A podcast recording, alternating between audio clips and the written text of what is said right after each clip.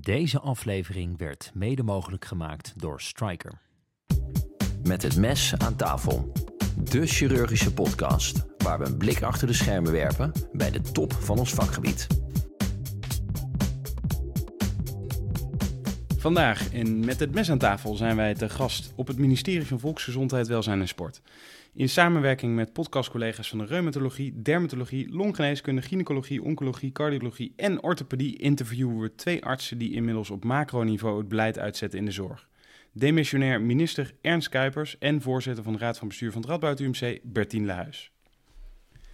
Ernst Kuipers is een man die weinig intro behoeft, maar toch even zijn loopbaan in een notendop. Opgeleid als MDL-arts, waarna een aantal jaar staflid in het VUMC. Uh, daarna benoemd tot hoogleraar MDL in het Erasmus MC en in 2013 voorzitter van de Raad van Bestuur van het Erasmus. Waarvan de laatste jaren tevens voorzitter van het Landelijk Netwerk Acute Zorg en in 2022 benoemd tot minister van Volksgezondheid onder D66 en nu dus demissionair minister. Daarnaast Bertien Lehuis, sinds 2020 voorzitter van de Raad van Bestuur van het Radboud UMC en sinds 2022 voorzitter van de Nederlandse Federatie van de Universitair Medisch Centra. Opgeleid en haar eerste jaar gewerkt in het UMCU als kinderpsychiater, gepromoveerd op autisme. Uh, en daarna acht jaar bestuurder en kinderpsychiater in het Kinder- en Jeugdpsychiatrisch Ziekenhuis Karakter, het Academisch Centrum voor Kinder- en Jeugdpsychiatrie. Waarna ze in 2017 lid werd van de Raad van Bestuur van het Radboud. Welkom aan beiden. Um, de eerste vraag. Um, ja, waar zijn jullie opgegroeid en opgeleid? Ernst. Opgegroeid en opgeleid. Ik ben opgegroeid in de Noordoostpolder en gestudeerd in Groningen. En opgeleid uh, tot internist in het Deventer ziekenhuis, of zoals ze lokaal zeggen, het Deventer ziekenhuis. Uh, en in Groningen, het UMCG. En vervolgens tot MDL-arts in wat toen nog het VUMC was, nu Amsterdam UMC. En u bent een tijdje in Amerika geweest. Ja, uh, Nashville, Tennessee. Zijn daar nog dingen waar de zorg in Nederland wat van kan leren in het Amerikaanse zorgstelsel? Je kunt altijd van elkaar leren. Uh, Amerika, kan ook een hoop van ons leren. Maar um, ja, een van de belangrijke dingen die je daar ziet, is dat, uh, zeker als het over de curatieve zorg gaat, dat dat veel, in, uh, veel meer standaard in grote netwerken gegeven wordt. en het zal de Amerikanen niet vreemd zijn dat ze dan niet vreemd kijken van enige afstand, wat wij in Nederland heel ver vinden. Ik heb daar gewerkt in Vanderbilt. Uh, eerst grote, echt grote ziekenhuis uh, was echt uh, een flink eind verderop. Nee. andersom, waar kunnen ze van ons wat van leren? Nou, onder andere gewoon het publieke systeem en de publieke financiering. Gelijke zorg voor iedereen, ongeacht of je een baan hebt, ongeacht of je geld op je bankrekening hebt. En wat wij hier ook veel beter doen, is gewoon een sterke eerste lijn. Ja, duidelijk. En Bertien? Geboren en getogen in Oosterbeek, dat ligt bij Arnhem, prachtige plaats. Dus mijn liefde voor het uiterwaardenlandschap is uh, daar begonnen. En ik ben gaan studeren in, uh, in Utrecht en daar mijn opleiding ook tot de kinder- en jeugdpsychiater en promotie gedaan. Heel lang daar ook gewerkt en ik woon er nog steeds. Dus ik ben een beetje honkvast. Ik ben uh, vrij stabiel, zal ik maar zeggen. En dat hoort denk ik wel bij mij. Ik heb niet de buitenlandse ervaring die uh, Ernst uh, aangeeft. Wel mijn kooschappen. En die heb ik in Engeland gedaan. Ik heb een aantal maanden, dat zal jullie aanspreken, mijn heelkunde kooschap in Plymouth gedaan. Fantastisch. Ik moet bekennen dat ik het hele coastal path heb gelopen en heel veel in de moors. Het was een heel mooi najaar. Ja. Maar ik heb ook veel mogen doen. En dan mag je zelfs house officer zijn en dergelijke. Veel geleerd, um, maar ook als het gaat over um, uh, de zorg. Ja, ik denk als we naar Engeland kijken, dan zien we toch ook wel de treurnis van een NHS. En als het allemaal via de overheid gaat. Dat vond ik toen al een openbaring met een zaal met twaalf mensen en een gordijn en nog een zaal met twaalf mensen. Hoewel ik het daar fantastisch heb gehad in de opleiding, was ook toen al het verschil met de Nederlandse zorg groot. En dat is toch iedere keer weer iets dat als we klagen, en dat doen we best graag in dit land, dat als je terugkomt hier, dat je denkt, we hebben best goed hier in Nederland. Ja, het verschil is alleen maar groter geworden. Het verschil is alleen maar groter geworden. Wat niet betekent dat we niet moeten opletten, want ook wij hebben vraagstukken en problemen en daar komen we vast nog over te spreken vandaag. Ja, ik denk dat het een heel mooi uh, bruggetje is. Uh, want wij gaan het vandaag hebben over het veranderende zorglandschap in Nederland. Um, en jullie visie op de uitdagingen die daar liggen en die, die, zich, die dat meebrengt in de toekomst. Uh, vooropgesteld vinden wij dat wij een prachtig gezondheidsstelsel hebben. dat er een hele goede toegankelijkheid is en kwaliteit. En daar moeten we heel trots op zijn en dat moeten we borgen. Maar Het systeem en niet onbelangrijk de zorgprofessionals staan onder druk. Uh, zonder hier nou een opsomming te gaan geven van apocalyptische getallen, herkennen denk ik al onze luisteraars uh, de hoge werkdruk en de volle ziekenhuizen. En daarbovenop komt dan ook nog de uitdaging van het verduurzamen van de gezondheidszorg en dat alles voor het liefst minder geld. Um, Ernst, hoop uitdagingen. Is dat de reden dat u te kennen heeft gegeven nog wel een keer minister eh, van VWS te willen worden? Zeker, en dat is ook de reden geweest, en ik kijk ook naar Martine, dat wij allebei oorspronkelijk uh, in een rol waar je met hart en ziel werkt als arts, op een gegeven moment ook wel bestuurlijke rol hebt willen oppakken. En toen ik de eerste keer ervoor gevraagd werd, heb ik direct gezegd van nou, dat ga ik nooit doen. Maar langzamerhand word je daar toch meer ingezogen. En dus was eerst een bestuurlijke rol als ziekenhuisbestuurder en voor mij inderdaad als minister om vanuit de zorg zelf, met de kennis die je daar hebt opgedaan, gewoon te proberen om de zorg in Nederland uh, ja, te bestendigen, maar ook te verbeteren. Ja, mooi. En Bertien, um, de agendapunten met de zorgprofessional die onder druk staat, um, hoge werkdruk, uh, zijn dat eigenlijk alle belangrijke agendapunten die continu op de vergaderingen staan bij de Raad van Bestuur? Of, of zijn er, is er ook nog ruimte voor andere dingen? Er is gelukkig ook ruimte voor andere dingen. En, uh, maar de ambitie om het beter te doen met elkaar herken ik heel erg wat uh, Ernst net ook zei. Ik heb lang uh, ook in de spreekkamer gezeten, maar dacht ook: is mijn toegevoegde waarde nu meer in de één op één relatie of niet? En ik zag veel kinderpsychiatrische kinderen en jeugdigen, waarvan ik dacht: hoe kan het dat ze zeven jaar lang hebben gezocht naar goede diagnostiek? Dat moeten we beter doen met elkaar. En mijn um, uh, ervaring als bestuurder werd eigenlijk, en ik noem het even omdat dat wel ook over politiek gaat, erg gekleurd door de decentralisatiewet in 2015. Ik moet je heel eerlijk zeggen dat ik toen ik als bestuurder begon, daar eigenlijk nog niet veel van wist. Maar het heeft mijn loopbaan gekleurd. Een huilend hart als kinderpsychiater, tot op de dag van vandaag. Want ik vind dat echt geen goede keus voor kinderpsychiatrische problematiek. Maar de beste leerschool als bestuurder, omdat alles anders moest. De binnenkant van een organisatie en de buitenkant. Terug naar jouw vraag, uh, Lars. Ja, ook vandaag de dag is er natuurlijk ook heel veel om treurig over te zijn. Maar er zijn ook fantastisch veel mooie dingen. En de kracht van de verandering, ook in de zorg, over wat we moeten doen, gaat natuurlijk wel over het met elkaar vasthouden dat het een fantastisch veld is om in te werken. Een fantastisch vak is om uit te mogen oefenen. En juist die kracht van de verandering echt beter pakken. Dus op die bestuurstafel vinden natuurlijk gesprekken plaats over ingewikkelde financiën, werkdruk, te hoog ziekteverzuim. Hoe doen we dat met de AIOS? Komen we vast nog over te spreken met jullie. Maar niet alleen maar. er worden ook vooral heel veel mooie dingen besproken waar onze kracht zit. En ik denk dat er onderschat wordt wat dit vraagt de komende jaren van ons allemaal. De verandering van zowel de patiënt, de professional, de bestuurder als ook de organisatie. Het gaat niet meer over het ego, maar het gaat veel meer over het hele ecosysteem. Handen uitsteken naar anderen en het samen doen. Dat klinkt makkelijk, maar is verdomd moeilijk. Ja, lastig misschien om dat bij alle individuele artsen in Nederland uh, dat besef te, kweken. Uh, we hebben al een aantal onderwerpen genoemd die we gaan bespreken. Wat we willen bespreken de komende, uh, nou, het komende uur is de opleiding van specialisten, het integraal zorgakkoord, duurzaamheid in de zorg. En we willen graag starten met het bekijken van ons zorglandschap op macroniveau. Uh, en laten we dan beginnen met het integraal zorgakkoord. Uh, zoals bekend staat passende zorg hierin centraal. En om dat te bereiken is regionale samenwerking en samenwerking in acute zorg, concentratie en spreiding, ver, versterken van e eerste lijnzorg, gezond leven en preventie nodig. Uh, Ernst, er is net bekend geworden dat het integraal zorgakkoord niet als controversieel is verklaard. dus ondanks de val van het kabinet wordt het dan uitgevoerd? Dat, dat, betekent dat we met de agenda die daarin staat, ik zeg vaak het is gewoon een spoorboekje, maak het bewust even heel plat, maar dat we die agenda voort kunnen zetten. En even voor de discussie, ja, zoals ze net ook genoemd, er zijn een hele hoop redenen om trots te zijn op ons uh, zorgstelsel. met bijna 1,4 miljoen gepassioneerde mensen die zich iedere dag daar weer voor inzetten, 24-7, met fantastische infrastructuur. We zijn een rijk land, we hebben een systeem waar we ook bereid zijn om met elkaar de lasten te delen. En als jou een ernstige ziekte treft, dat ook voor jou op te vangen. Dat zijn fantastische waarden.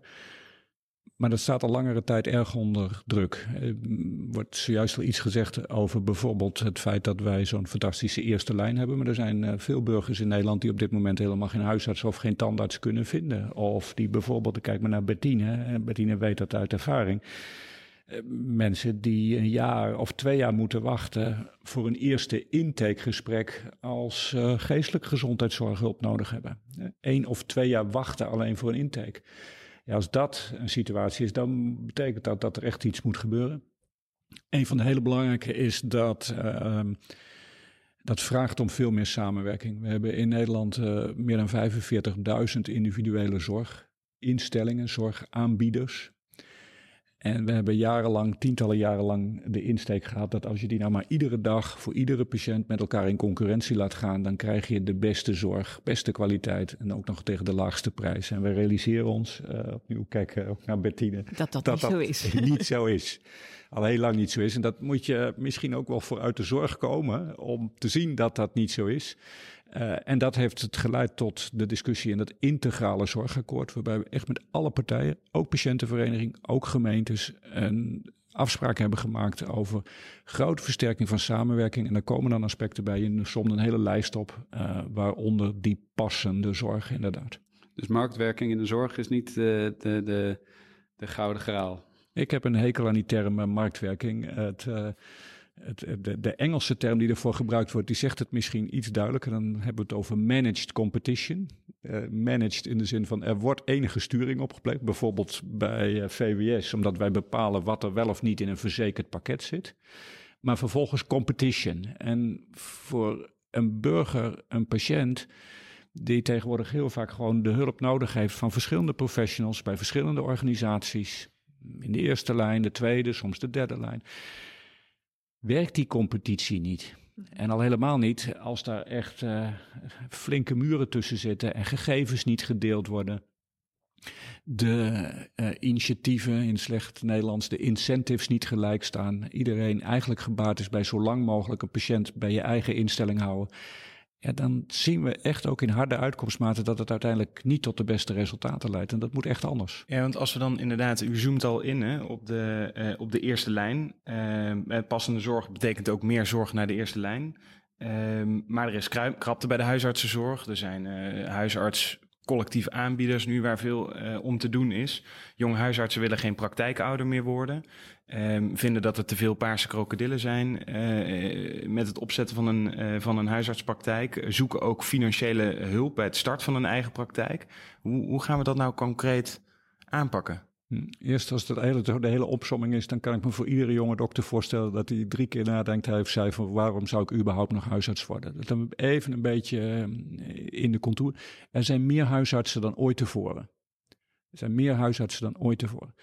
Uh, we hebben de opleiding tot huisarts ook sterk uitgebreid. Uh, in de verhoudingen, als je kijkt naar uh, medisch specialisten en huisartsen in Nederland, dan is er per, per huisarts op dit moment twee medisch specialisten. De verhouding is 1 staat tot 2. Maar in de opleiding, als we bij de medisch specialisten, sorry Bertien, als we ja. even de psychiatrie als grootste vak eraf trekken en naar alle andere vakken kijken, dan is de verhouding qua opleidingsinstroom nu ongeveer 1 op 1.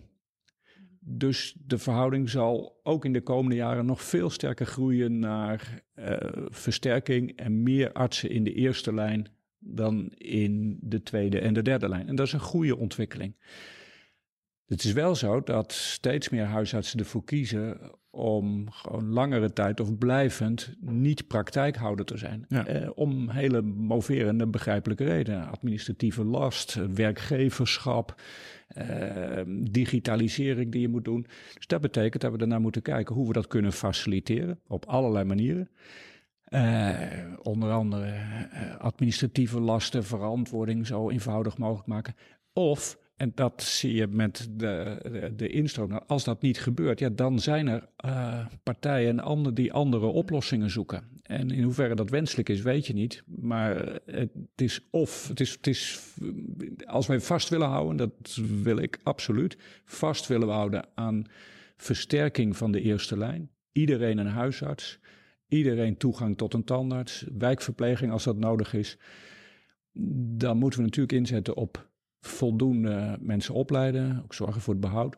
Maar ook zorgen dat op een of andere manier de organisatie daarvoor zo geregeld wordt dat het wel beschikbaar is. En als dat niet lukt via huisartsen met een zelfstandige praktijk, omdat men dat niet wil, dan moeten we goed in gesprek over eh, onder welke voorwaarden wil men dat dan wel. Dus er moeten meer mensen de zorg in eigenlijk. Um, dat zou prachtig zijn. Maar realiseer even, de getallen zijn al heel vaak voorbij gekomen. Dus langzamerhand heeft iedereen ze wel tussen de oren. Maar op dit moment, uh, we hebben de afgelopen 10, 20 jaar het aantal mensen in de zorg heel snel uitgebreid. Uh, sneller dan, uh, dan de overal arbeidsmarkt. Op dit moment werkt 1 op de 6 mensen met een baan in Nederland werkt in de zorg. 1 op de 6. Niet alleen als verpleegkundige of arts of fysiotherapeut, maar, maar ook in heel veel andere banen. En het tempo waarin we gegroeid zijn, gaat dat door naar 1 op de 5 in 2030 en 1 op de 4 in 2040. Nou, ik uh, kan alleen al zeggen over de discussie, bijvoorbeeld binnen een kabinet. Kijk maar waar de mensen ook voor nodig zijn. Die zijn ook nodig voor klimaattransitie. Ze zijn ook nodig in het onderwijs. Ze zijn ook nodig bij de politie. Ze zijn ook. Dus de aanname van wij kunnen wel gewoon door blijven groeien. Als een soort koekoeksjong alle andere eruit drukken dat moeten we heel reëel van zijn en zeggen, laten we er nou maar eens van uitgaan dat dat niet gaat lukken. Ja. Misschien een paar aanvullingen, Ernst, over dit gesprek. Hè? Want het is een, een, een mega groot probleem wat jullie schetsen hè, van onze samenleving, waar we misschien het echte grote probleem, namelijk de toenemende gap tussen hè, onze sociaal-maatschappelijke groepen, eigenlijk het allergrootste is. En ook heel veel onrust geeft in de samenleving. Een grote groep mensen die eigenlijk niet onterecht niet in de zorg komt.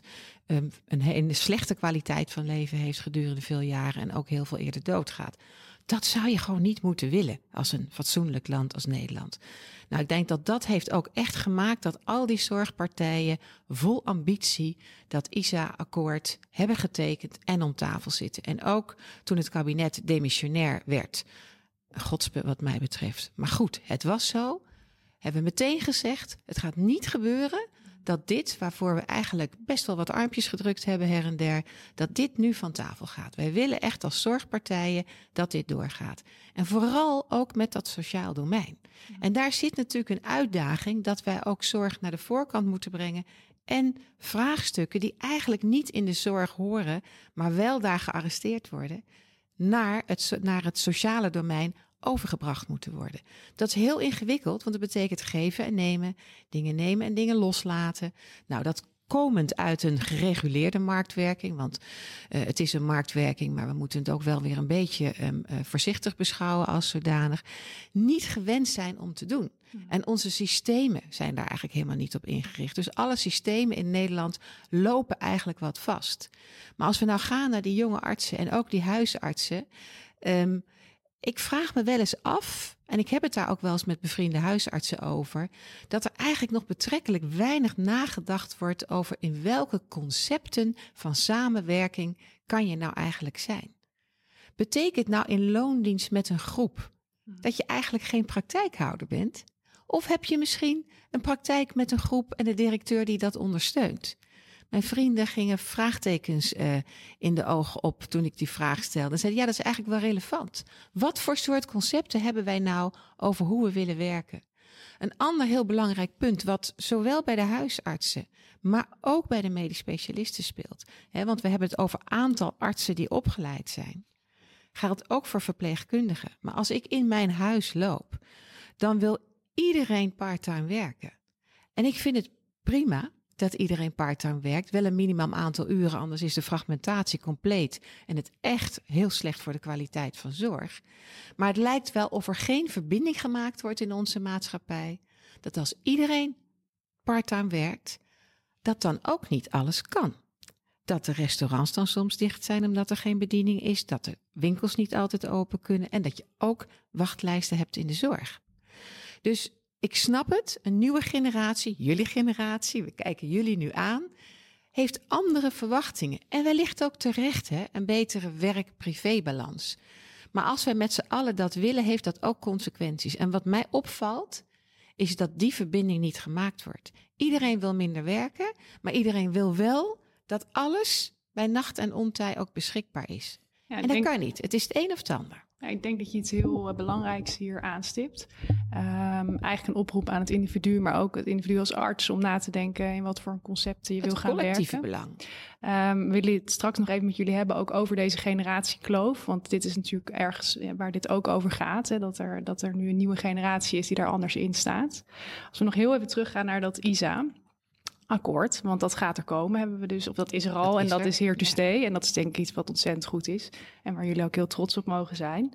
Ehm, maar wat lastig is en waar ook nog wel ja, een, eh, een wrijving zit, is dat passende zorg op dit moment niet lijkt te lonen. Ehm, bijvoorbeeld Helene de Wit in het eh, Medisch Contact eh, heeft als voorbeeld het ziekenhuis in Bernhoven, eh, die in 2014 de keuze voor zinnige zorg, betere zorg door minder zorg maakte. Het ziekenhuis verleende de zorg, hebben ze met 13% reductie hebben ze bereikt. Dus ja, eigenlijk een af, afname van wat ze doen. Maar vervolgens zitten ze in de rode cijfers. Ehm, en de voorzitter gaf dan ook aan dat de vergoeding, vergoedingen in het huidige bekostigingssysteem nog niet passend zijn eigenlijk voor, zin, voor zinnige zorg.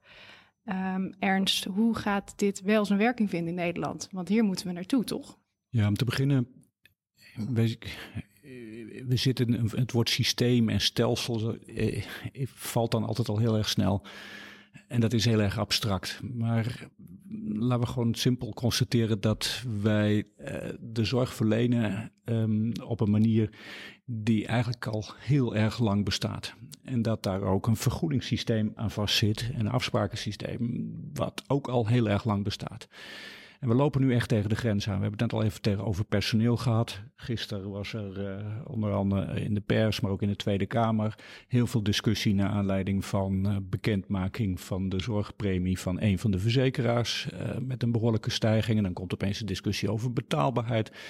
En iedere keer is er wel zo'n ander item. En we lopen duidelijk tegen de grenzen aan. En dat vraagt om samenwerken. En dat vraagt ook om keuzes die passende zorg Allereerst in het belang van een individu zelf. En wat Bettine zojuist ook terecht aangeeft, is hoe blijven we nou eigenlijk de zorg verbeteren in plaats van een discussie over hoe, hoe, hoe kalft het verder af. Als je dat doet, dan zijn er ontzettend veel barrières. En dat is bijvoorbeeld dat financieringssysteem waarbij veel partijen betaald worden voor het aantal patiënten Ja. wat ze zien en het aantal verrichtingen wat ze doen. Dat heb je niet in eh, een maand veranderd. Eh, dus die column die herken ik helemaal. Dat zijn ook de gesprekken die wij met eh, de verzekeraars en de individuele partijen, met Bettine bijvoorbeeld en haar collega's voor de federatie van UMC's hebben. En daar maken we grote stappen in. Maar dat is niet in één keer anders. Het kan wel. En als ik één specifiek voorbeeld mag noemen. Ik was, uh, omdat het gewoon illustratief is, een van de vele. Maar ik was uh, gisteren, een paar dagen geleden was ik op bezoek in Helmond, daar in de regio. En daar hadden de huisartsen, de optometristen en de oogartsen afspraken gemaakt. Hele lange wachtlijsten en toegangstijden voor de oogarts. Frustrerend voor een patiënt, frustrerend voor een huisarts. En ze hebben een overeenstemming gemaakt waarbij huisartsen alle patiënten rechtstreeks kunnen sturen naar de optometrist. Die ziet een patiënt binnen een paar dagen in plaats van maanden wachten op de oogarts. De gegevens van de optometrist gaan allemaal ook naar de oogarts. Die kan zien, die kan selecteren, die kan advies geven. Die kan ook selecteren welke patiënt moet echt door naar de oogarts. En dat kan dan snel. Mm-hmm. 60% van de patiënten hoefden vervolgens niet meer naar de oogarts. 40% wel. En dat betekent voor de oogarts leuker werk. Veel meer patiënten die echt bij haar hoorden. Maar is ook wel intensiever werk. Dat betekent dat je minder patiënten kunt zien op een poli. Uh, en dat vroeg om andere afspraken met een verzekeraar. Mogen we dan voor die patiënten die ik wel zie, ook per patiënt een hoger bedrag ontvangen? Ja, dat, die afspraak die kan dan vervolgens gemaakt worden. Maar dan, ver, sorry, maar dan verandert dus eigenlijk de logistiek en niet zozeer het financiële beloningssysteem. Nou, dat is een eerste stap. Een financieel beloningssysteem kan ook veranderen. En dan kunnen we een ander voorbeeld noemen. Dat, we, uh, dat ik het mogelijk gemaakt heb, bijvoorbeeld in de geboortezorg, een integrale bekostiging van de geboortezorg. En dat is dan opeens een bekostiging voor het totale pakket. En daarmee voor een samenwerkingsverband tussen verloskundigen en gynaecologen. Eén financiering. Mm-hmm. En onderling maken zij afspraken wie behandelt welke patiënt in welk geval. Ja. Ja, en Bertien, want, want ik, wat, wat Ernst zegt is denk ik heel mooi. En dit is echt wel een, een voorbeeld van passende zorg over eh, de, dus de logistiek veranderen waardoor het beter gaat. Um, maar dat betekent dus wel dat je met zorgverzekeraars om de tafel moet zitten om dat gefinancierd te krijgen.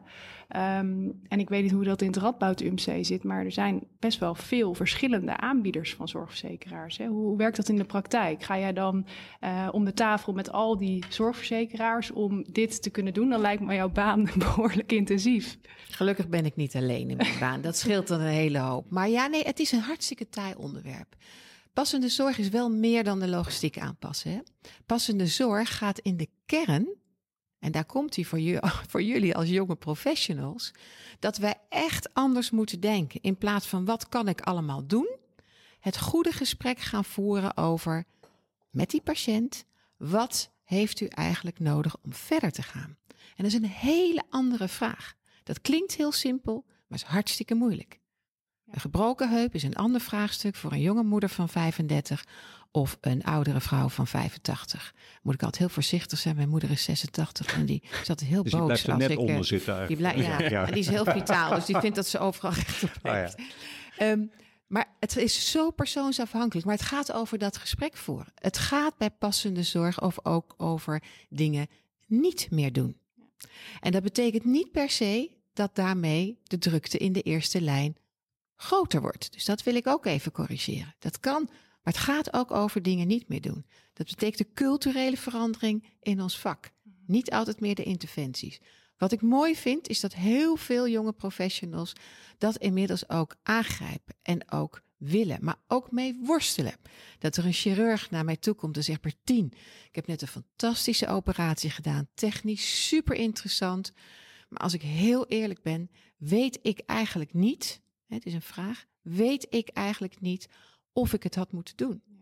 Onze IC-artsen die zeggen, we hebben heel veel geleerd in de COVID-tijd. En het heeft ons ook scherper gemaakt. En ik denk dat de Vereniging van, van de Intensivisten daar ook een heel mooi project heeft voor liggen.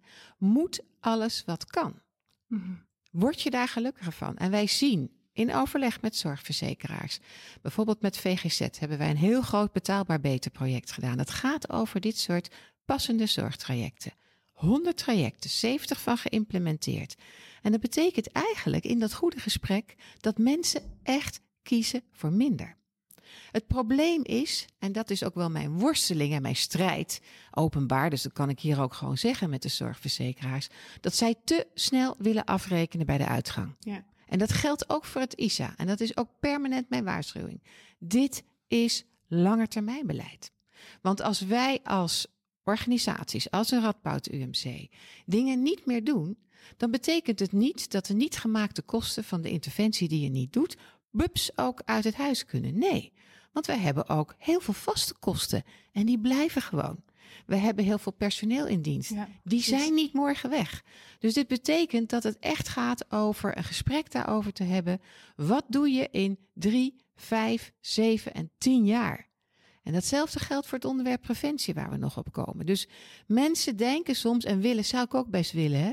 maar dan roep ik jongens, paar decennia paternalisme en consumeren gepredikt, met alle gevolgen van dien, ja. inclusief die gereguleerde marktwerking. Dat is niet even in een eerste instantie een doorlooptijd van een ISA van 2,5 jaar over. Nee, dan maken we beginnen. Een jaar. Gisteren een verjaardag van een jaar. Gisteren een verjaardag van een jaar. Dan maken we een beginnetje. Dit is lange adem en volhouden.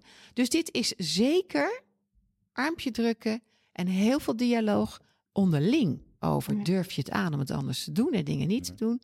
Maar ook heel veel dialoog met de zorgverzekeraars die ook om moeten. Ook die moeten van een zorgverzekeringswet die betaalt voor een interventie omdat iemand ziek is naar dingen niet meer doen, meer tijd voor gesprek en ook de randen opzoeken richting preventie, de overgang naar het sociaal domein, et cetera. Kortom, veelkoppig monster, maar maak het iedere keer klein en er worden echt stappen gemaakt. Maar is het, vind je het niet jammer dat ieder ziekenhuis deze strijd nu voor zichzelf aan het voeren is? Ik vind dat ontzettend jammer. Ja. En ik vind ook, en dat is ook wel wat we aan de ISA-tafel bespreken en ook nog veel nadrukkelijker moeten bespreken, hoe we dit anders gaan doen. Hoe gaan wij met dat grote bedrag van 2,8 miljard, wat vandaag ook weer in Skipper staat, hè, dat hebben we niet opgemaakt dit jaar wat we zouden doen. Dat vind ik niet per se erg. De grootste verandering moet zonder geld gepaard gaan. De grootste verandering zit tussen onze oren en wat wij wel en niet met onze handen doen. Bij patiënten, professionals en organisaties. Dat vind ik niet per se erg. Maar wat ik wel vind, is dat als wij die verandering van dingen niet meer doen, dingen laten, grote trajecten doen en laten, dat wij wel comfort moeten bieden voor organisaties zoals je daar benoemt, Bernhoven, hoe we gaan in die overgangen.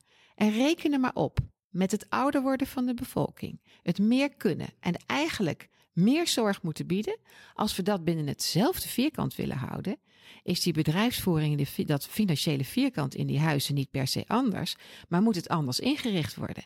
En dat gaat natuurlijk met bergen en dalen en golven. Zorg er nou voor dat je dus niet meteen afrekent als je een periode wat minder doet, maar heb met elkaar het goede gesprek over wat je wel moet doen. En daar is namelijk ongelooflijk veel wel te doen. En zou Misschien, uh, als ik één mag aansluiten, want het, de, de teneur van het gesprek wordt een beetje het glas is half leeg, of nog meer dan dat. Ik zou dat echt willen omdraaien. Het glas is half vol. Ik begon met het glas is half vol. Zeker, ja, maar ik vul dat echt uit. Het, het, het, glas is half vol, of misschien wel meer dan dat. Dus de discussie over ziekenhuizen die voor zichzelf... We hebben echt, en Bettine zegt dat ook, we hebben tientallen jaren gehad iedere dag, iedere zorginstelling voor iedere patiënt met elkaar gaan concurreren. Ik heb lang in die rol gezeten als arts, als afdelingshoofd, als, eh, als ziekenhuisbestuurder. En dat was iedere dag weer gesprekken met je regionale en soms landelijke partners over wie doet wat. Mhm. En het goede nieuws is nu, binnen één jaar ja. zitten partijen totaal anders in de wedstrijd. Ja, en zeggen ja, ja uh, daarvoor moeten financieringssystemen om, omgekat. Daarvoor moeten digitale netwerken opgezet worden. Daarvoor hebben we heel andere gesprekken nodig met de patiëntenfederaties. Daarvoor hebben we ook wel een eerlijk gesprek nodig met patiënten, burgers, en daar kijk ik ook maar even naar de politiek, want we zullen ook een eerlijk verhaal moeten vertellen. En een eerlijk verhaal wordt lang niet altijd verteld, maar het kan gewoon niet meer op de ding. Als we blijven doen wat we doen, krijgen we steeds minder van wat we hadden. Ja, mijn stelling is wel eens, hè, Ernst, en dat is natuurlijk altijd eentje die je pas kan toetsen aan het eind, dat als wij echt met elkaar dat goede gesprek over passende zorg durven te voeren, moet alles wat kan of voegt het soms eigenlijk maar heel beperkt wat toe? Hè? Want wat is nou echt kwaliteit van leven? Wat is echt antwoord op je vraag? Dan is het de vraag hoeveel financiële vraagstukken er zijn. Die zijn er altijd. Dat is helemaal niet erg. Maar de vraag is hoe groot dat probleem dan echt is. Ja, en daar, daar wil ik inderdaad, uh, daar willen we met jullie nog even een stuk over verder praten. Namelijk een onderdeel daarvan, uh, met praten met elkaar, is de centralisatie van zorg. Uh, en dan niet alleen in de kinderhartchirurgie, daar is al voldoende over gezegd. Uh, maar ook de oh, volume. Gaan we het niet over. Oh, dan kunnen we graag even. Bettine, die wil er al wat over zeggen. Uh, maar je stipt het net al wel aan, uh, Bertien. Uh, ook de volumenorm in de oncologische zorg en de centralisatie van polytraumapatiënten. want het leidt logisch dat dat leidt, dat het dat meer doen leidt tot betere resultaten. Maar is dat wetenschappelijk ook gestaafd? In de, in de traumachirurgie leidt dit al enkele jaren tot een discussie. Um, jaren geleden pleitte professor Luc Lene al voor één traumacentrum in Nederland, namelijk in Culemborg. En liet hij zien dat in het UMCU hogere mortaliteitscijfers waren bij zwaargewonde patiënten in vergelijking met uh, andere hele grote centra in Seattle en Newcastle. Traumachirurg Falco Hietbrink uh, schreef vervolgens in 2019 de Medisch Contact dat berekeningen voor het minimaal aantal meervoudig gewonde patiënten voor een level 1 traumacentrum uit zouden komen op ongeveer 600 per jaar. In centra waar meer dan 2000 patiënten, uh, ernstig gewonde patiënten per jaar werden gepresenteerd, was de initiële opvang in eerste instantie zeer goed, maar na stabilisatie van de patiënt versnipperde de zorg en raakte de regie zoek. Collega's uit het Radboud UMC, ehm, Jan-Paul Vrulke en professor Michael Edwards, reageerden vervolgens op en gaven aan dat met de lateralisatie van kleine trauma naar de perifere ziekenhuizen, de traumachirurgen uit de level 1 ziekenhuis te weinig exposure zouden krijgen en bovendien geen meer ervaring uh, hadden in de behandeling hiervan. Bovendien liet een studie uit het Erasmus uit 2021 van de studiegroep van traumachirurg Dennis den Hartog in samenwerking met de landelijke traumaregistratie zien dat er geen verschil is in mortaliteit bij ernstig gewonde traumapatiënten tussen de verschillende level 1 traumacentra in Nederland, variërend van 120 tot 410 patiënten per jaar.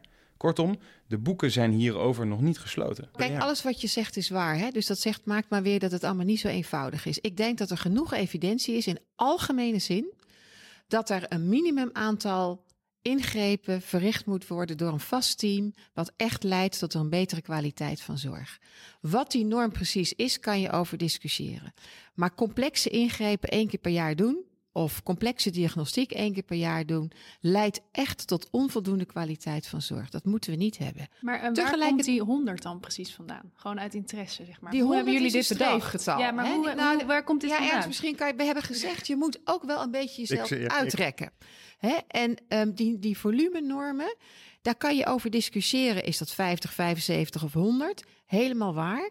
Maar het gaat niet alleen over die interventie en de kwaliteit van het team wat dat doet. Maar het gaat bijvoorbeeld ook over de faciliteiten die je daaromheen nodig hebt. Die je niet op alle plaatsen in Nederland opnieuw wil hebben. Dat is veel te kostbaar. Dus het gaat en over kwaliteit, ervaring en over faciliteiten en financiën. En die 100 is niet een hard getal, maar Ernst, eh, vul mij aan. Maar is wees wel gezegd aan die ISA-tafel, en daar best wat over gedebatteerd. We moeten ons wel een beetje uitrekken om tot een fatsoenlijk getal te komen. Om ook een beetje op te rekken dat we ook wel die verdeling goed gaan maken met elkaar. En laat nou die regio's met elkaar goed kijken wat te doen. Het gaat overigens, ik kan dat niet vaak genoeg zeggen, niet om dat hele traject van die patiënt op één plek in één ziekenhuis te doen. Verdeling gaat er-. Het gaat er net als, laat ik dan maar het mooie voorbeeld van de kinderhartchirurgie even aanhalen. Het Radboud UMC doet het hele voortraject. De operatieve interventie vindt in het Erasmus plaats. En het hele natraject en de nazorg vindt in het Radboud UMC plaats. Dus het gaat over shared care. En de discussie gaat over die interventie, waar overigens nog veel over te zeggen valt. Ook gezien onze andere interventies die ontstaan. Want het gaat niet alleen over operaties.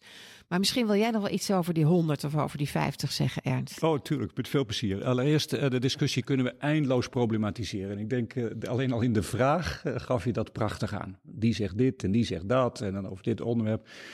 Maar laten we nou gewoon een beetje afstand nemen en even heel simpel zijn. En, en jullie weten het allemaal en iedere luisteraar ook. Of je nou een muziekinstrument bespeelt, of je bent actief in de sport, of verzin een ander. Op het moment dat je iets vaker doet, word je daar beter in. In de sport kun je overtraind raken, in de, in, in, in de muziek kun je ook een blessure oplopen, maar in algemene zin als je iets vaker doet, word je daar beter in. Een prachtige anekdote, geloof ik, van Pablo Casals, die op zijn eh, bijna negentigste, dacht ik, op een gegeven moment bezoek kreeg van een journalist en die zag hem nog toonladders oefenen en vroeg toen van, goh, maar meneer Casals, op u, hè, met uw ervaring en waarom doet u dit nog? Nou, en toen eh, kreeg je dit antwoord. Het kwam erop neer, eh, blijven oefenen en blijven dingen en je wordt er nog altijd beter in, ook ik op de top van mijn kunnen. Eh, wat geldt voor de muziek en voor de sport, geldt voor de zorg ook. En iedere professional weet dat. Vanaf je co-assistententijd weet je dat. Eh, ik zag gisteren, was ik bij een bijeenkomst van de Nederlandse Vereniging voor Heelkunde. Daar kreeg ik dezelfde vragen zojuist over die volumenorm, et cetera. En toen werd ik aangesproken door een chirurg die me dat erg vroeg. Maar en passant wel even zei, ja, ik ben laatst geopereerd aan een liesbreuk. En ik heb, ben daarvoor bewust even naar een Duitse chirurg gegaan, want die doet er 400 per jaar. En toen zei ik, maar waar hebben we het dan over? Op je eigen vakgebied en voor je, waar je zelf doet, stel je vragen bij die norm van 20 per huis. Maar als je zelf een simpele operatie als een liesbreuk moet ondergaan, ga je wel naar een Duitse chirurg omdat hij er 400 doet. I rest my case. Dus ik, ja, het is absoluut zo dat als je het vaker doet, wordt het beter. De zorg ook op uitkomsten in Nederland, oncologisch en andere terreinen, is niet goed genoeg. En wij zijn in de gelukkige omstandigheid met een fantastische geografie, hè, 150 bij 300 kilometer, 18 miljoen mensen, dat wij ons kunnen veroorloven om dit soort netwerkzorg, zoals Bettine prachtig aangeeft, ook te hebben. En dat betekent dan nadrukkelijk concentratie en spreiding. Het betekent netwerkzorg. En het voorbeeld wat Bettine geeft over lange samenwerking tussen in dit geval het Radboud en een Erasmus, illustreert dat precies. Was uh, op bezoek bij jou in de regio een paar dagen geleden in Boksmeer. Ja. En dat vertelde dus precies over ook, er was een uh, de voorzitter van de medische staf, een internist-oncoloog, die vol verven vertelt over de samenwerking oncologisch met het hele netwerk.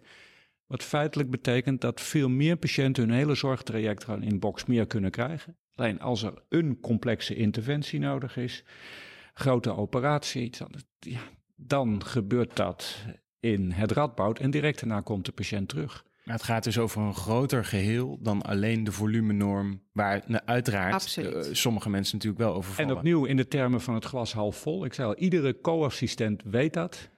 Van de meest simpele dingen, op het moment dat je vaker een infuus prikt, word je daar beter in. En dat blijft zo. En hou dat gewoon vast. Want voor jezelf als patiënt, of voor jouw partner als patiënt, of jouw kind, of jouw ouder, wil je dat? Dat moeten we allemaal willen. En de ambitie en het mooie is dat als je dat echt omarmt, dan kun je zelf beter worden, je team kan beter worden, de patiënttevredenheid gaat omhoog en de overal kwaliteit voor de hele Nederlandse zorg kan echt ook veel beter worden. En ons kleine landje heeft het dus misschien niet over die duizend of 2000 patiënten en dat heeft zijn waarde om die wat wij toch allemaal wenselijk vinden, die bereikbaarheid en in de buurt. Hè, uiteindelijk zijn we toch ook allemaal een beetje kleinburgerlijk in ons kleine landje. Dat vinden wij belangrijk als Nederlanders. Het grote voordeel daarvan is ten opzichte van die megaklinieken, hè, die echt één of twee aandachtsgebieden hebben, is natuurlijk ook dat je de breedte van de zorg in ogenschouw houdt. Nou, ik denk dat we over dit onderwerp uh, nog lang door kunnen gaan. We wilden het ook nog met jullie hebben over de opleiding um, en de jonge klaren. Ja. Bij de heelkunde is er een, een overschot aan jonge klaren, wat wel een, een probleem is. Um, en uh, de instroom van AIOS, dat, dat, uh, nou ja, dat, dat is niet verminderd. Um, wat vinden jullie ervan dat AIOS ook wel eens wordt gezien als een verdienmodel? Is dat wenselijk? Niet wenselijk, wel waar. dat is het eerlijke antwoord. En wat bedoel ik met wel waar? Dat in de afgelopen decennia het zo is gegroeid dat de AIOS niet meer on top of het team toegevoegd is puur als leerling, maar echt onderdeel is geworden van het hele productieproces in een UMC. Komen we weer, en ook in een ziekenhuis. Komen we even weer op die gereguleerde marktwerking. Dat is op sommige punten wat doorgeslagen. Want enerzijds is het goed, hè, want ook als AIOS moet je ook leren in dat proces te werken met alles wat daarbij hoort. Maar dat maakt dat we nu met ook onvoldoende AIOS en een verschuiving in dit land van AIOS op sommige plekken echt in de problemen komen, omdat die processen daar niet voldoende goed op ingericht zijn. Dus we zijn denk ik te veel doorgeslagen in het onderdeel van een regulier proces in de ziekenhuizen, de AIOS helemaal ingepland te hebben. En we zien dat met de verandering van de opleiding terecht meer op tijd, meer tijd voor reflectie en opleiding, dat het al knelt. En met minder AIOS dat dat ingewikkeld wordt. Um, tegelijkertijd uh, jullie zeggen het al, we hebben werkeloze um, of werkeloze artsen in de heelkunde. Um, we hebben heel veel artsen nodig, ook naar de toekomst toe. Die hopelijk niet allemaal in hele kleine stukjes deeltijd werken. Maar we hebben misschien minder chirurgen nodig, maar we hebben heel veel meer andere artsen nodig.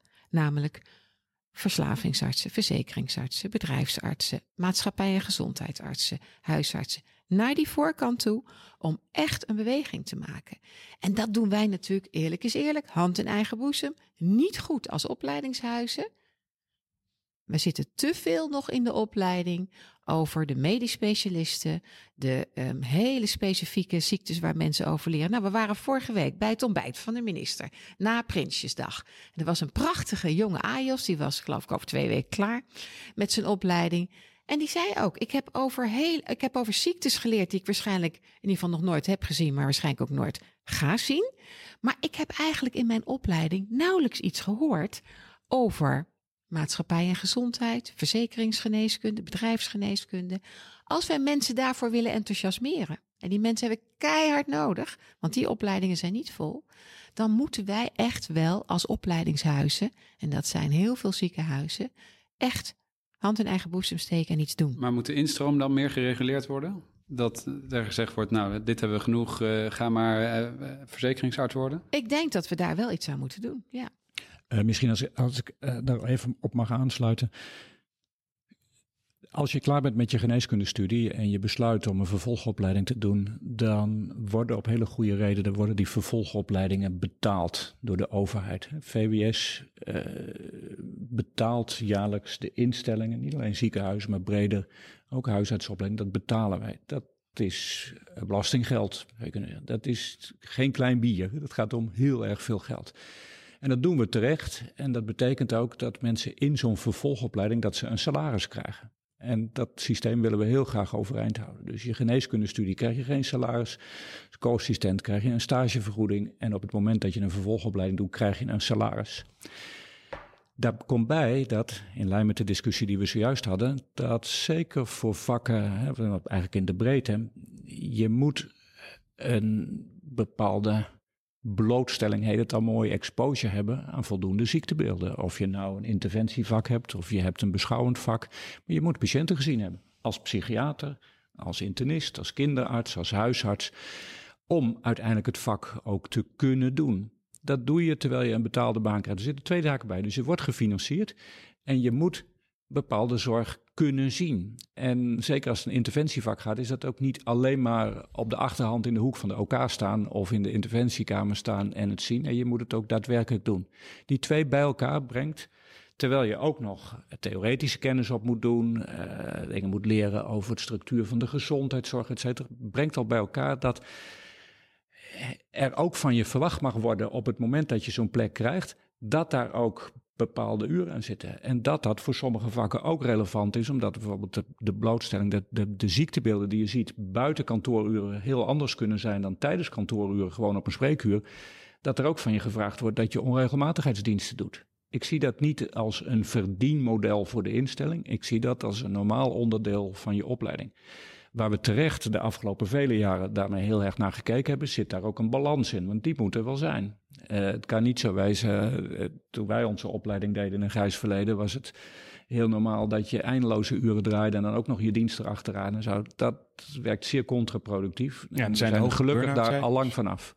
Maar het gaat vooral ook om de, de, de aantallen die je dan opleidt, denk ik. Want ik ben het helemaal mee eens dat je moet natuurlijk diensten doen en, en eh, eh, veel exposure hebben. Ja, Eh, maar als je uiteindelijk een, een overschot aan chirurgen hebt die vervolgens geen baan kunnen vinden, is dat ook zonde van het belastinggeld. zeker. En die discussie die is, kan ik helaas zeggen, van alle tijden. Daar hebben we jarenlang, jaren geleden, is daar in Nederland een capaciteitsorgaan voor ingericht. Die die heeft een onmogelijke taak, is heel lastig. Maar die kijkt heel breed voor eigenlijk alle medische vervolgopleidingen, maar ook voor veel verpleegkundige beroepen. Kijken die iedere drie jaar weer, doen die een analyse van wat is de huidige arbeidsmarkt, wat zijn de ontwikkelingen in het vakgebied, ehm, hoeveel mensen gaan met pensioen, hoeveel mensen stromen uit, hoeveel werken de part-time. Ze hebben een heel uitgebreid model. En daarmee hebben ze iedere drie jaar doen ze weer een voorspelling, een, een advies aan de overheid voor de komende drie jaar voor hoeveel mensen per vervolgopleiding. En daar hebben de medische, eh, de, de, de betreffende vervolgopleidingen zelf ook een belangrijke stem in. Dus bijvoorbeeld de Nederlandse Vereniging voor Heelkunde, bij je voorbeeld te blijven, heeft gewoon en kan gewoon individueel overleg hebben met het capaciteitsorgaan en de eigen input geven. Dat kun je ook als AJOS doen. Van wij denken dat deze en deze ontwikkeling en het capaciteitsorgaan toetst dat aan hun model en stelt zo nodig het eh, model ook bij. Ik heb dat in het verleden zelf ook gedaan. Ja, we Toen het weten ging over wel, eh, tekorten aan, eh, ja. aan MDL-artsen. We weten wel dat het ook heel, altijd heel lastig is überhaupt voorspellen. Hè? Maar ook voor het capaciteitsorgaan. Dat er toch heel veel periodes zijn van te veel en te weinig. En daar zijn, ehm, eh, hè, denk ook eh, Ernst en ik wel over in discussie. Hè. Er wordt nu een korting gegeven op het capaciteit eh, voor het komende jaar. Ook ten opzichte van een stuk tandheelkunde. Nou, helder dat er bij tandheelkunde ook echt behoefte is op een uitbreiding. Dat is eigenlijk geen discussie. Maar dat gaat dan ten koste, koste van artsen in opleiding. Terwijl wij natuurlijk ook zien dat er op heel veel fronten tekorten ontstaan. En zeker als heel veel mensen parttime gaan werken. Dus dat is ook echt wel een, een zorg. Hè? En kunnen we nou met elkaar goed anticiperen op de juiste artsen opleiden? En daar moet je natuurlijk de wetenschappelijke verenigingen eh aan vragen. Maar we moeten ook maatschappelijk kijken wat er nodig is. Dus ja, ik denk dat daar misschien wel een beetje meer sturing op moet komen. Eh, maar ook moeten we zorgen dat mensen enthousiast raken daarvoor. En misschien is wel een interessante vraag, want er zijn natuurlijk ook een hele hoop artsen die in bepaalde delen van het land willen werken. Of misschien niet werken binnen de discipline die, eh, die vrij is. Mag je nou, en dat is een vraag voor mij, hè, maar ik denk dat dat goed is om ook met jullie generatie te gaan bespreken. Mag je nou als maatschappij vragen van de investering van een lange, dure opleiding, dat iemand na het afronden van zijn opleiding ook drie of vijf jaar op een bepaalde plek binnen een bepaalde discipline werkt? Ik denk dat dat een best gerechtvaardigde vraag is als antwoord op een maatschappelijke vraag die er is. En dat is een spannende, dat realiseer ik me goed. Maar ik vind niet dat we ervan weg moeten lopen. Die, uh, sorry voor de, maar even één aanvulling, want uh, Bertine geeft wat aan. Van kan een overheid ook nog wat doen? Is het, is het nou een, een opgelegd iets, dat capaciteitsorgaan, of kan een minister daar ook wat mee doen? Het is dat laatste. Je kunt daar zelf op sturen. En dat voorbeeld is, het capaciteitsorgaan heeft gezegd, we zien de afgelopen jaren gestaag een steeds grotere pool van basisartsen die nog niet in een vervolgopleiding zitten. Tot wat dan ook huisarts, medisch specialist, anderen.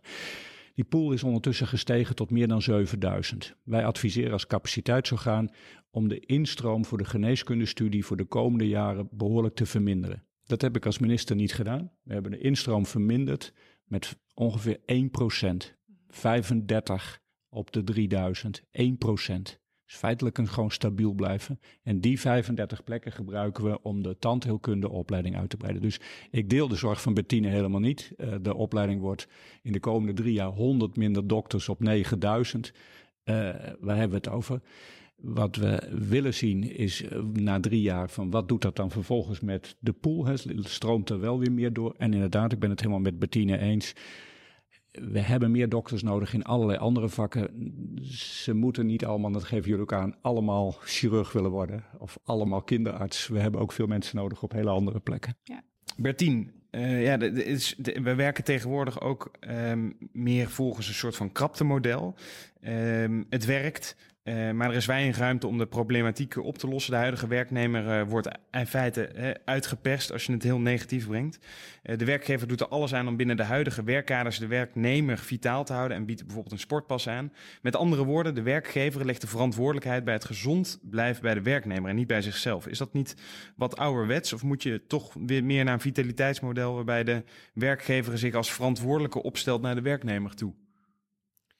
Nou, kijk, uh, natuurlijk blijf je als werknemer gewoon zelf verantwoordelijk voor je gezondheid. Maar de werkgever heeft daar ook een rol in om de omstandigheden waarbinnen die werknemers werken natuurlijk ook wel te optimaliseren.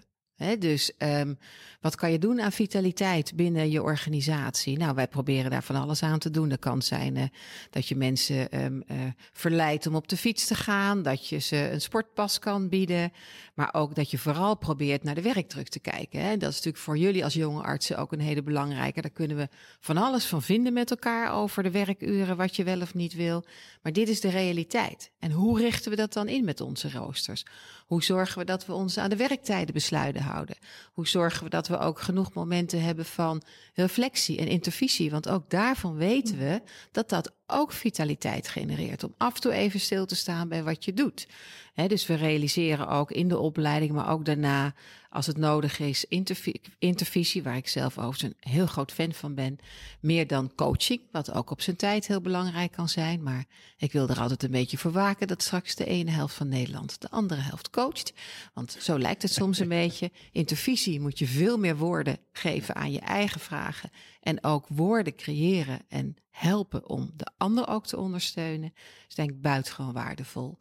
Um, maar het gaat ook over uh, loopbaantrajecten. Wat moet je wanneer doen, in welke levensfase? En wat ik wel zie is dat heel veel jonge mensen, ook zoals jullie, wel heel veel willen in een korte tijd. En dan denk ik, ja, en vaak starten met het gezin en de opleiding en ook nog een promotietraject. En dan ook nog allerlei privézaken als topsport, eh, op vakantie met je vrienden, et cetera. Ik snap het, het is ook allemaal heel erg leuk. Maar misschien is het soms ook verstandig om even in een bepaalde periode van je leven keuzes te maken. Waar je je accenten op legt. En dat is voor ons als werkgever. Moeten wij ook veel meer kijken naar welke leertrajecten en welke, onder, uh, welke wat wij dan noemen carrièrepaden hebben we nou eigenlijk? Ja. Hè? En wat is ook een reële verwachting als onderzoeker, als verpleegkundige, als arts? En dat bijvoorbeeld wij gaan nu in ons hele nieuwe um, uh, organisatiestructuur ook bij allerlei topfuncties zeggen, weet je, dat doen we vijf jaar en eventueel nog een keer vijf jaar, maar daarna niet. He, zodat je ook weer dan iets nieuws een accent kan geven. En dat betekent ook dat je in een bepaalde periode van je leven ook meer aandacht geeft of meer topprestaties misschien moet leveren dan in een andere leeftijd. En dat is cruciaal met de cijfers die jullie net zeiden. Ja, want dat is denk ik wel een mooi bruggetje nog uh, naar de burn-out cijfers onder de AIOS. Ik denk dat je daar ook Immens. een beetje op hint. Die zijn Immens. ontzettend hoog. Hè? Ja. Uh, maar denk je dan dat dit komt door wat jij net schetst? Uh, dat we allemaal te veel willen in een te korte tijd? Nou, het is, ook dit is een veelkoppig monster. Ja, ik denk dat jullie generatie wel heel veel verleidingen kent en ook heel veel tegelijkertijd wil. Um, en tegelijkertijd is ook het werken in de zorg veranderd. En er zijn natuurlijk ook klachten terecht over er zijn zoveel dingen die wij moeten doen, hè, die roze olifant en, eh, olifant en die administratie, wat ons eigenlijk helemaal geen energie geeft. Mhm. En um, kunnen we nou niet toe naar meer van onze werktijd echt besteden aan hetgene waar we ook energie van krijgen? Kijk, burn-out en werkdruk gaat over ervaren werkdruk, is onze ervaring uit onderzoek. En vaak niet over de tijd die je werkt. Er is natuurlijk wel een beetje een middenweg. Hè? Ik bedoel, als je 80 uur werkt, dan hè, 60 uur, dan loopt dat uit de pas. Maar het gaat heel erg over ervaren werkdruk. Nou, wat is ervaren werkdruk? Doordat je dingen doet waarvan je eigenlijk vindt dat ze misschien niet zo nuttig zijn. Dat is wat heel veel mensen ons natuurlijk teruggeven rondom administratie. Maar kan ook gaan over de patiënt die heel anders is geworden in de afgelopen jaren. En bijvoorbeeld heel veel eisend is geworden. Of de samenwerking die ingewikkeld is op een afdeling. Of omdat er veel verzuim is, dat door dat verzuim jij meer werkdruk krijgt. dus we hebben zowel als werkgever wat te doen mhm. aan een aantal zaken. Maar als werknemer, dus jullie ook als jonge artsen, hebben natuurlijk ook iets te doen om met elkaar stil te zitten van wat is nou realistisch om te doen. En ik zeg het ook wel eens tegen mijn eigen kinderen en omgeving. Te veel leuk is niet meer leuk. Ja. Mooie boodschappen. Ja. Um, last but certainly, certainly not least, uh, Bertine, je visie op de verduurzaming verduurzaming van ziekenhuizen. We waren niet lang geleden te gast bij professor Schelter, Schelter in Groningen. En we maakten een hele aflevering over duurzaamheid in de gezondheidszorg. En daar leerden we een hoop. Eh, maar viel ook wel op dat er echt heel veel initiatieven zijn. Maar dat echte regie soms nog een beetje lijkt te ontbreken. De Nationale Groene OK, duurzaamheid is onderdeel van het curriculum in de Radboud Universiteit. Vrijwel volledige vegetarische menus in meerdere universitaire ziekenhuizen zijn voorbeelden van die initiatieven. Uh, en er zijn ook ziekenhuizen die al verder gaan en bloemen verbannen om te vervangen door kunstige varianten voor een CO2-reductie. Um, ehm, hoe kijk jij hier tegenaan? Hoe pak jij dit aan in het Radboud UMC? Hoe verduurzaam je de tent? Ja, verduurzamen is voor ons een heel belangrijk onderwerp. Mede ook omdat heel veel jonge professionals en jonge medewerkers kiezen voor organisaties waar verduurzaming echt op de agenda staat. Dus dat is een hele mooie stimulans, denk ik, voor heel veel organisaties om er ook aan te werken. En de noodzaak om eraan te werken is er ook. kijk even naar, wij als wetenschappers, naar het IPCC-rapport. Klap even het hoofdstuk gezondheid open. En dat is behoorlijk dramatisch wat er allemaal nu al gebeurt, maar ook nog staat te gebeuren als de aarde nog verder opwarmt. En op een of andere manier is het best moeilijk om die urgentie tussen onze oren te krijgen. Dus ik ben blij met alles wat daarop gebeurt groene teams, maar ook de Green Deal die we met elkaar hebben gesloten in de zorg. En dat is wel een vorm van regie. Dat zijn weliswaar nog heel veel intenties, maar ook heel veel afspraken over de CO2-reductie. Nou, als Radboud is dat eigenlijk al jarenlang iets wat bovenop onze agenda uh, staat, bovenaan op onze agenda staat. En dat gaat over die milieuaspecten, hè, de zorg, 7% verantwoordelijk voor de uitstoot van CO2. Dus daar hebben wij iets in onze milieu- en gebouwelijke omgeving aan te doen. Tegelijkertijd wil je eigenlijk vooral ook inzetten op passende zorg. Want de meest duurzame zorg is zorg die je niet hoeft te leveren. Dus dat zijn geen dossiers die los van elkaar staan. Green teams, die in alle huizen nu geïnitieerd worden, ja, daar ben ik een warm voorstander van. En soms wil men nog meer dan dat we ook kunnen realiseren, is ook waar. Dus daar hebben wij ook als huizen wat in te doen. Maar de initiatieven die mensen hebben, hè, na jarenlang van meer wegwerpmateriaal, ook uit allerlei hygiëneoverwegingen en infectiepreventie, wat toch ook voor sommige dingen een beetje overdreven is, dat gaan we nu weer terugbrengen. Hele mooie initiatieven. En ik vind ook dat landelijk, bijvoorbeeld die groene OK, maar ook de groene onderzoekers, en ook in het onderwijs er echt mooie aandacht voor is. Voor het onderwijs brengen wij dat nu eigenlijk in het brede curriculum? Hè? Want dat moet niet een apart iets zijn. Dat is net als vroeger kwaliteit. Dat is daarvan die afdeling. Nee, kwaliteit is van ons allemaal. Duurzaamheid is ook niet van een afdeling en een blokje in het curriculum. Duurzaamheid is van ons allemaal op ieder moment in het zorgproces. Dus nu hebben we een minor en dan zegt iedereen, oh geweldig. Maar het aantal deelnemers van zo'n minor is eigenlijk toch wel betreurenswaardig. Ondanks dat jullie generatie ook aangeeft dit zo belangrijk te vinden. Dus ik vind het belangrijk dat we het in het hele curriculum vormgeven. Nou ja, en dan natuurlijk um, uh, misschien als laatste nog te noemen, hè, en daar drukken wij ook op als Radboud UMC, maar ook met de hele ISA-tafel. En dat gaat over dat health in all policies. Want wij moeten als zorg zeker onze verantwoordelijkheid nemen, maar grootste reductie van gezondheidszorgproblemen zit natuurlijk op andere dossiers. En dat is ook waar ik iedere keer de minister en de bewindslieden allemaal van VWS op uitnodig bij herhaling aan de ISA-tafel. Wat is het gesprek met landbouw over pesticiden? Wat is het gesprek met sociale zaken over werkgelegenheid, dus ook duurzaamheid? Wat is het gesprek met economische zaken over welke economieën en industrieën hebben wij hier? Dus eigenlijk vind ik dat al die ministeries bij alle initiatieven die genomen worden of gestimuleerd of beloond, altijd gekeken moet worden. Wat is het effect hiervan op welzijn, welbevinden en gezondheid. Want dat is, wat mij betreft, een gezonde economie. Die gaat niet alleen over geld. En mag ik je dan een keer het vuur in de schenen leggen? Zeker. Want wat vind je dan van operaties die nu worden uitgevoerd, die niet bewezen beter zijn, maar wel een veel hogere carbon footprint hebben? Denk aan alle robotoperaties voor bijvoorbeeld darmkanker, die ook in het radboud gewoon gebeuren. Ja, daar ben ik dus heel kritisch op. Ja. Um, er is een hele mooie lijst, denk ik, van onderzoek van doen en laten. Dat zou een uitnodiging moeten zijn voor de professionals om achter de oren te krabben of je iets moet doen. Dat wil niet zeggen dat van die lijst je die interventie nooit moet doen. Hè? Er kunnen afwegingen zijn wanneer je dat moet doen. Bijvoorbeeld die gastroscopie. Hebben we heel goed onderzocht. Is meestens niet nodig, heeft geen meerwaarde. Kunnen best momenten zijn dat het wel zo is. En toch gebeurt het nog heel veel. Ook de zorgverzekeraars kunnen hier een rol spelen door veel nadrukkelijker in hun inkoop dit mee te nemen. Daar hebben ze nou een rol die ze wat mij betreft eigenlijk niet voldoende nemen. Robotchirurgie. Ik heb met verbazing gekeken waarom bij het um, op de markt komen van een robot die meteen op zoveel plekken in Nederland ter beschikking werd gesteld. Waarom niet op een paar plekken? En ik denk zelf dat UMC's zijn kraamkamers van innovatie. Begin daar. En het kan heel goed zijn dat zo'n robot eigenlijk helemaal niet geschikt is voor een UMC, maar voor een STZ of een regionaal ziekenhuis.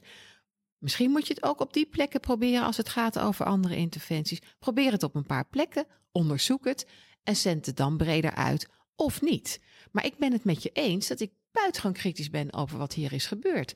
Maar het is aangeschaft door de ziekenhuizen en het is beloond en ondersteund door de zorgverzekeraars. Slechte zaak. En last but not least, de patiënt. Want we hebben het nu over de werknemer, de werkgever.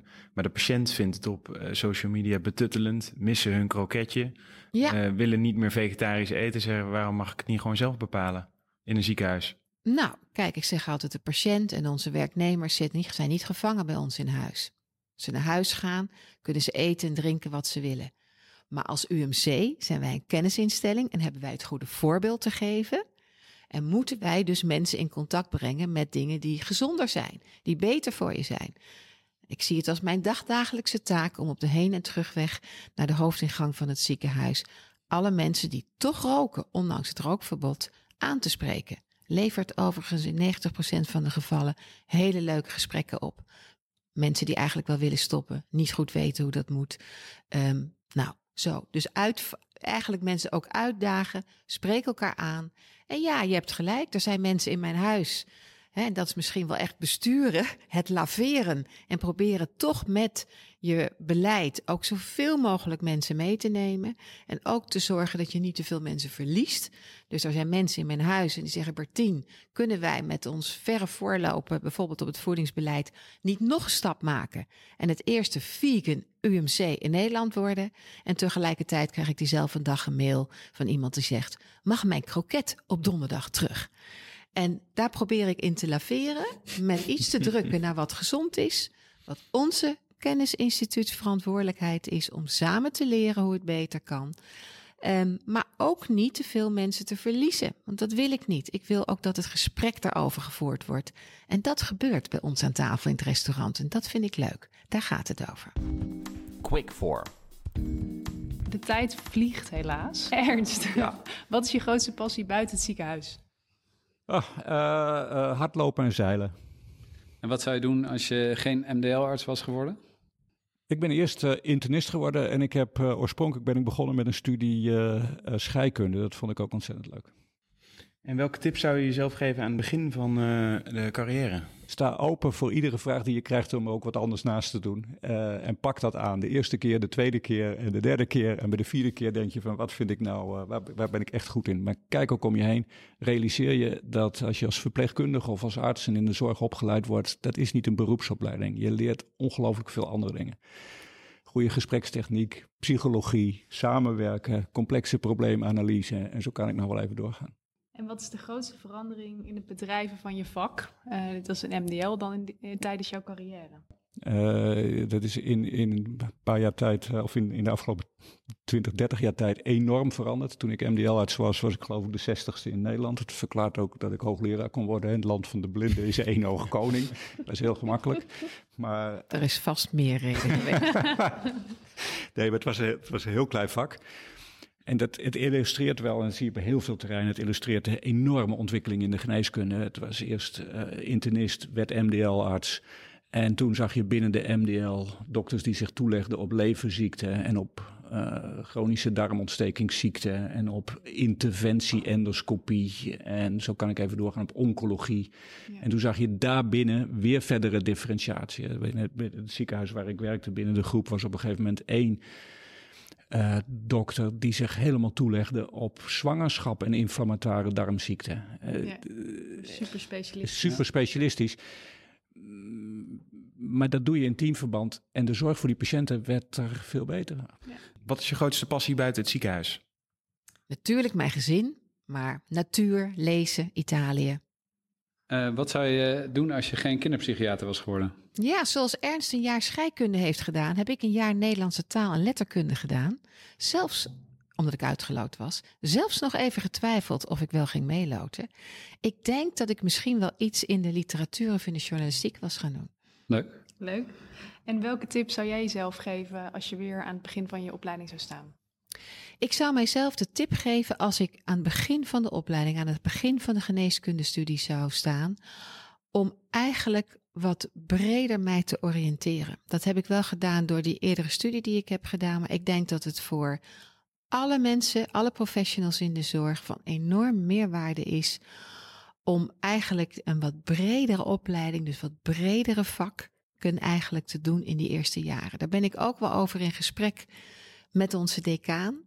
Ik denk dat het van meerwaarde is om wat meer te weten over psychologie, sociologie, ethiek. Dat zou ons allen goed doen. En dat zou ik mezelf ook nog meer hebben gegund dan dat ik het wel heb gedaan.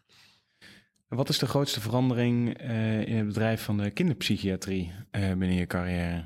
Nou, dat is eigenlijk de overgang uit de zorgverzekeringswet als recht op zorg naar de gemeente als voorziening in de zorg.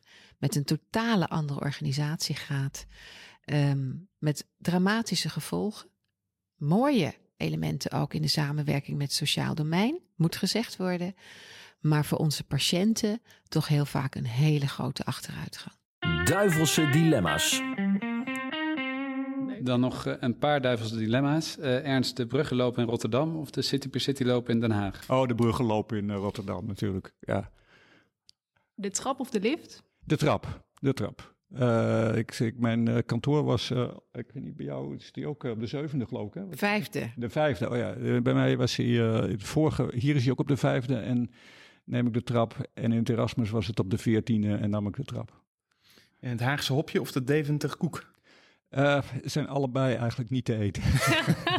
en we begrepen dat je... Sorry ook voor de Deventer koek, maar ik vind er echt helemaal niks aan.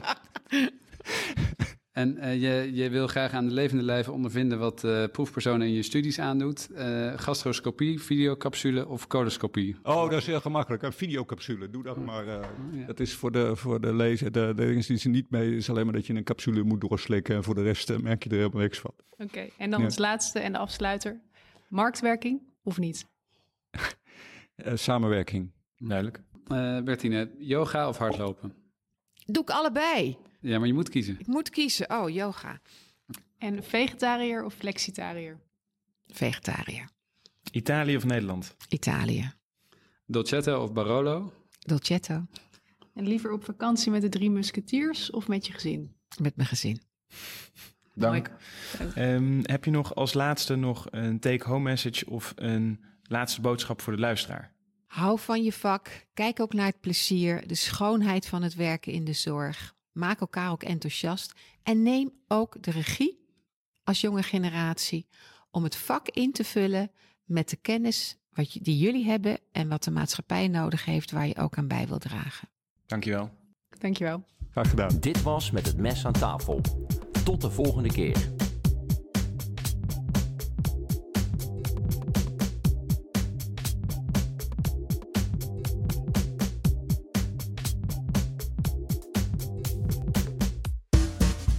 Deze aflevering werd mede mogelijk gemaakt door Striker.